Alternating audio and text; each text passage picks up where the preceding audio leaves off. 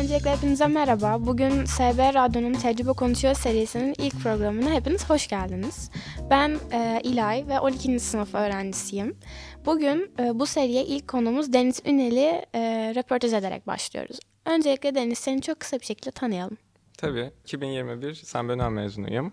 E, fen bölümünden mezun oldum. Şu anda e, Paris Saclay Üniversitesi'nde Fransa'da e, fizik matematik portalında e, fizikte devam etmek üzere lisans bir öğrencisiyim.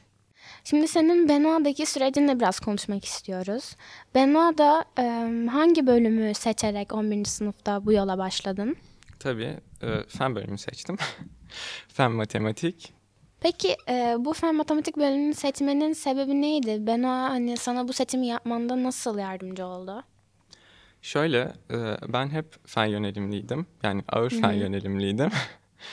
e, Benoît'da tabii ki çeşitli kulüplerle, aktivitelerle yani robotik kulübündeydim 9. sınıftan beri.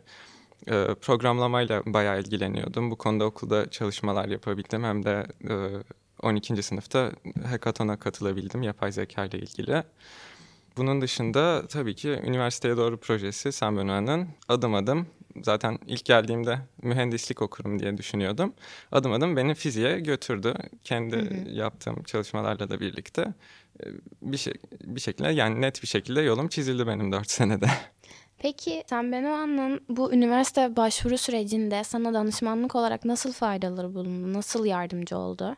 Şöyle zaten başvuru sürecine okulla hep adım adım birlikte yaptık. Yani hı hı motivasyon mektuplarını birlikte yazdık hocalarımızla. CV'lerimizi hocalarımız hep kontrol ediyordu.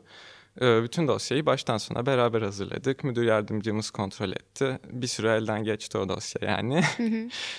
Kampüs Fransa ulaşmadan. Bu şekilde başvuru sürecinde yalnız olmamış olduk. Hep yıllardır bu işi yapan hocalarımız destek oldu bize. Peki bu başvurunuzu gönderdiniz. Başvurunuzun cevaplarını beklerken hani kabulleriniz ve belki arkadaşlarımızın redleri bu süreç nasıldı? Ee, bunu psikolojik olarak e, kontrol etmek. Yani bekledim sadece. Benim biraz da geç geldi. Nisan'da geldi. Hala benden geç gelen arkadaşlarım da vardı. Sadece bekledik yani oyalandık zaten oyalanacak bir sürü evet. şey vardı o ara üniversite sınavı. Senin Fransa'yı seçmekteki sebebin neydi üniversite olarak? Ben ilk geldiğimde İsviçre'ye gitmek istiyordum. EPFL'e. EPFL çok iyi bir üniversite. Zaten e, mühendislik yönelimli bir üniversite. Ben de geldiğimde hem mühendislik okumak istiyordum hem de dayımlar zaten benim Lozan'da yaşıyorlar. Hı hı. O yüzden pratik olur diye düşünüyordum ama e, gittikçe ilgimin mühendisliğe değil temel bilimlere özellikle de fiziğe olduğunu e, hem fiziğe hem matematiğe olduğunu fark ettim. Ve o alanda e, araştırma kariyeri yapmak istediğimi düşündüm. Zaten bunu düşündüğümde böyle 9. sınıfın sonları 10. sınıf falandı. Gittikçe daha çok aktiviteler yaparak işte yaz okullarıyla farklı atölyelerle falan okul dışında hem de kendi okumalarımda bunu onayladım bayağı. Ee, sonra 12. sınıfta hala EPFL'e giderim diye düşünüyordum. EPFL'in çok iyi bir fizik bölümü de var. Hı hı. Ama ben daha çok teorik fizikle ilgileniyordum. EPFL hem deneysel hem de uygulamalı fiziğe yönelik eğitimler veriyordu. Teorik araştırma grupları olsa da. Bu sıralar işte e, hem euro artıyor hem e, İsviçre'de evet. yaşam kolay değil. Hem bu üniversitenin e, bir sene hazırlık okutma gibi bir koşulu var. E, Paris Akle'yi 12. sınıfta keşfettim ben. Ee, ve hem temel bilimlere yönelik güzel şeyler duydum. Ee, güzel araştırmalar çıktığını gördüm falan. Biraz daha araştıra araştıra Fransa'nın belki de bana daha uygun olacağını düşündüm. Ee, ve bu üniversitenin ortamının işte hem e, Paris gibi bir şehrin yakınında ama şehrin içinde değil dışında hı hı. biraz. E, biraz da öyle sakin bir ortam istiyordum. O yüzden bu üniversiteyi ve Fransa'yı seçtim. Bir de... E, ben Avrupa'daki bilimin okutuluş şeklini seviyorum. Yani e, Amerika ve İngiltere'de de tabii çok iyi eğitim veren okullar var. E, onların eğitiminden, onların eğitimine ben biraz daha işte Fransa'nın, Almanya'nın bilimi ve matematiği öğretme şeklini tercih ediyordum. O yüzden hep e, yönüm bu, bu taraflardaydı. Peki şimdi senin kabulün geldi diyelim artık. Kabulünü evet. aldın. Seçtiğin üniversiteye kaydını yaptırmak ve mesela yurt yani veya bir ev bulma süreci nasıldı? Bunlar nasıl işliyor? Mayıs'ta kabuller geldikten sonra seçimimizi yapıyorduk Campus France'dan. O sıralar biraz daha hani EPFL mi Paris Akle mi netti. Hı-hı. Ben de Paris Akle oldu. Hatta EPFL'e sonradan başvurmaktan vazgeçtim. Yarıda bıraktım. Paris Akle'nin işte e, ilk seçimini yaptığım gün Mayıs ayında o günden itibaren ben e, yurt, ev hani nerede kalırım diye bakmaya başladım. Tabii ki yurt çok daha pratik geldi. İşte imkanları var, çamaşır makinesi var alt katta falan. Yurda giderim diye düşündüm. E, iki tane yurt vardı benim okulumun yakınında. İkisine de başvurdum. Birinin süreci biraz daha sıkıntılıydı işte hem e, oda çıkmıyordu hem gelen odalar biraz daha pahalıydı. E, bir sürü şey istiyorlardı. Diğerini seçtim. Hı hı. Okula da yakındı. Şu anda iki buçuk kilometre yürüyorum okula sabahları. Sabah sporu. Güzel spor oluyor evet. Peki şimdi artık Fransa'dasın. Bu yolculuğa ilk başladığında e, karşılaştığın böyle belirgin zorluklar ve hani mesela bunu sizin bekleyeceğinden haberiniz olsun diyeceğin şeyler nelerdir? Bu biraz düşündürücü. Şimdi ilk gidişimi düşünüyorum. Tek gittim. Elimde bavullar falan. Ee, tek yerleştin yani. Tek yerleştim. Havaalanından Eroer'e binmem gerekti. Ama benim gittiğim günden itibaren Eroer'in hattını yarıdan sonra inşaat için kapatıyorlardı. Hmm. O yüzden bir sürü ramplasma işte e, bu ser, servis edilmeyen istasyonlar için e, otobüsler koymuşlardı. Onları bulmam, beklemem gerekti. Sandığım kadar zor değildi ama e, yani bayağı uzun sürdü benim havaalanından yurda gitmem. Zaten Paris'in tam olarak diğer ucunda havaalanından. Evet. Sonra şeyi fark ettim. Fransa'da e, belli saatlerde öğle yemeği yiyebiliyorsunuz. Sonra mesela dörtte acıkma hakkınız yok. yani tabii ki açık yerler eminim vardır Paris'te ama benim bulunduğum bölgede falan genelde işte ikiden sonra öğle yemeği yiyemiyordunuz. Ben de dört gibi falan gelmiştim. Bir de akşam altı yedide açıyorlar. Ağustos ayında tabii kapalıydı her yer. O zaman da açmıyorlardı. Böyle bir iki yer vardı sadece yemek yiyebileceğim. Bunu geç öğrenmiştim. Anladım. Onun dışında... Bildiğimiz iyi oldu bunu. O zaman biz uçak saatimizi ona göre alalım giderken. Yani ya da aç gitmeyin. Peki, şimdi artık oraya yani alışma sürecin, dersler falan bunlara bahsettiğimizde üniversitene akademik olarak ayak uydurma sürecin nasıl? Yani derslerin hani Türkiye'den farkı hani çok hissediliyor muydu? Şöyle bence bu konuda birazcık Fransız Lisesi'nde olarak şanslıyız. Hı hı. Çünkü tabii ki üniversite çok daha farklı. Fransa'da hele çok farklı çünkü e, sizden çok farklı bir ciddiyet işte yaptığınız her şeyi bir şekilde kanıtlamanızı, açıklamanızı istiyorlar. E, çok daha ciddi, çok daha formel şeyler işe giriyor. E, ama bence üniversite bu konuda çok iyi. Hani baştan sizin elinizi tutarak başlıyor. Zaten ya ben bu okuldan giden herhangi birinin e, en azından fenle ilgisi olan e, hani önceden de fenle ilgilenmiş zaten fen bölümünde olan birinin ayak uydurabileceğini düşünüyorum çok rahat. Ben ilk haftalarda birazcık şeydim. İlk iki hafta falan işte bu ilk matematik quizimiz olacağı söylenene kadar çok e, bildiğimiz şeyler falan diye bakıyordum. Sonra quiz olacağı söylendi. O zaman bir bakayım falan dedim. Yazma şekillerine ayak uydurmaya falan o zaman çalıştım. Hmm. Zaten o zaman bütün tempo başladı. Ee, bence yani ilk günden itibaren hani dersleri düzenli bir şekilde tekrar etmek. Ben bunu yapamadım işte daha hala ayak uyduramadım hala geriden geliyordum dönemin sonunda. Bence ilk günden itibaren hani dersleri ciddiye almak lazım. Hocalar zaten güzel anlatıyor, gereken her şeyi veriyorlar.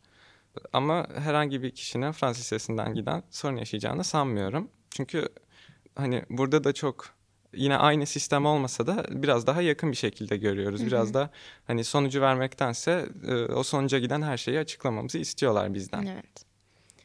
Peki şimdi mesela e, bizim tedirgin olduğumuz konulardan biri mesela hep konuşulan bir şey bazı rivayet gibi.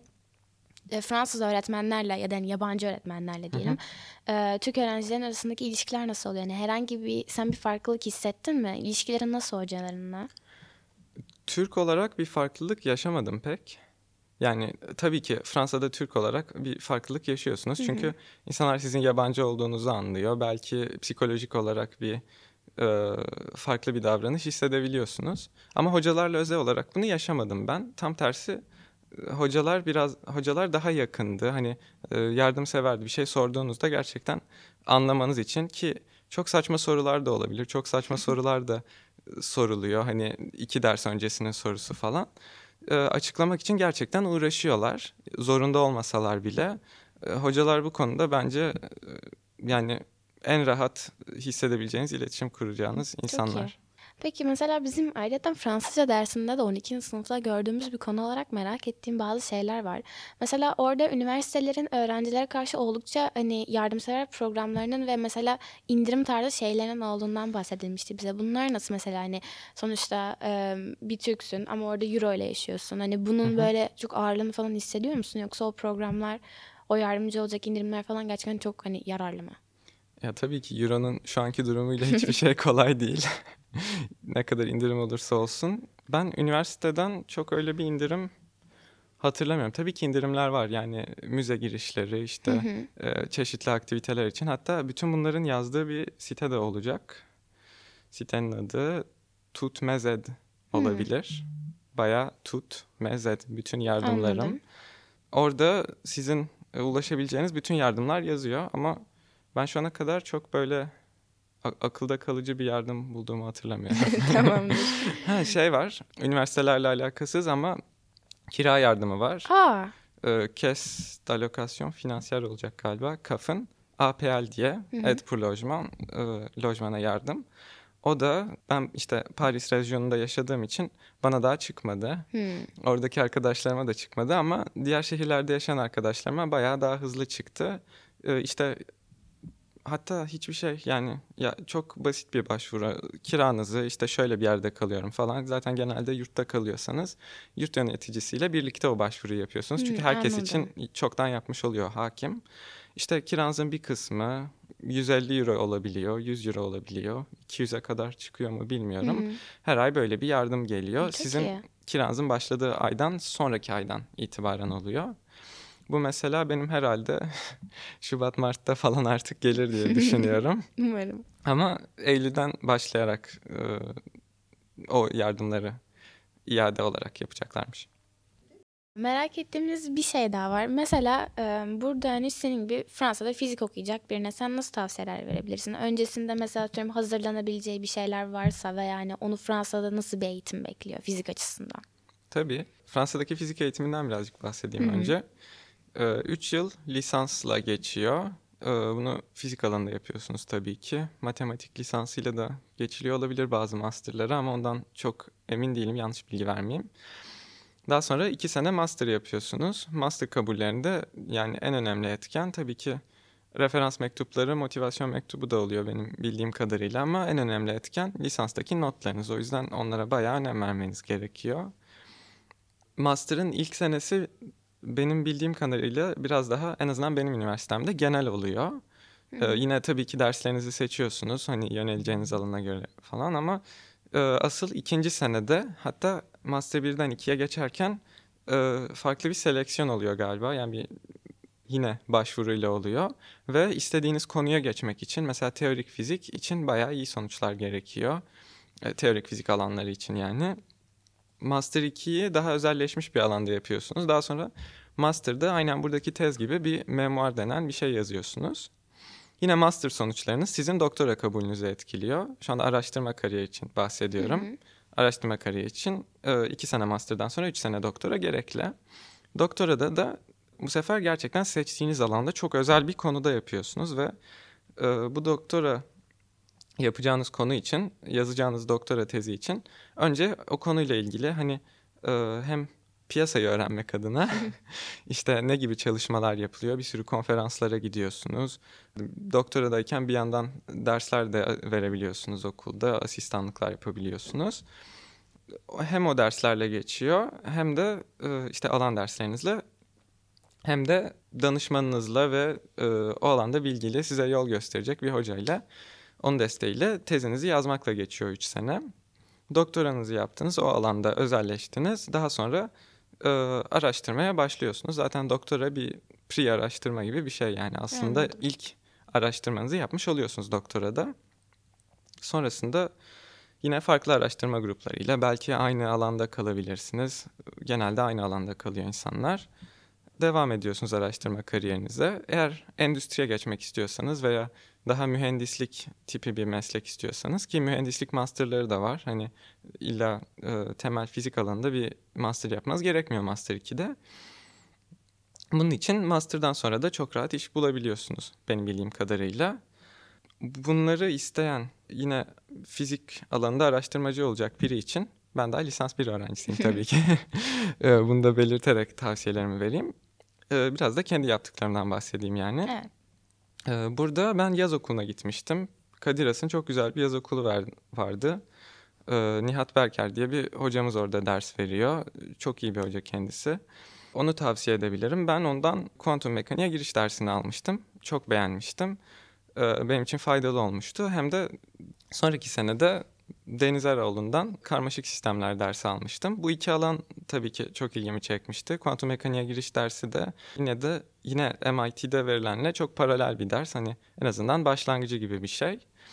Ee, onun dışında YouTube'da çok güzel online dersleri var. MIT Open Courseware'in işte Walter Lewis'in klasik mekanik derslerinden izlemiştim.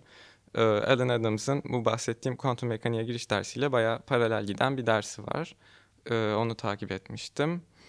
Onun dışında çok çeşitli okunabilecek kitaplar var. Hem popüler bilim kitapları, işte e, Richard Feynman'ın kitaplarını çok önerebilirim. Leonard Susskind'in kitapları biraz daha matematiksel oluyor ama o da sizi hazırlayacak şekilde. Bir de bu kitapları okurken çok önemli bir şey bence. Kitapların hepsini anlamıyorsunuz. Yani bir yere geliyorsunuz.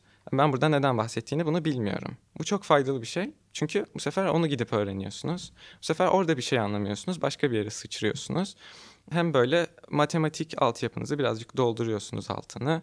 Hem fizikte farklı konular keşfedip bunlarla ilgilenebiliyorsunuz.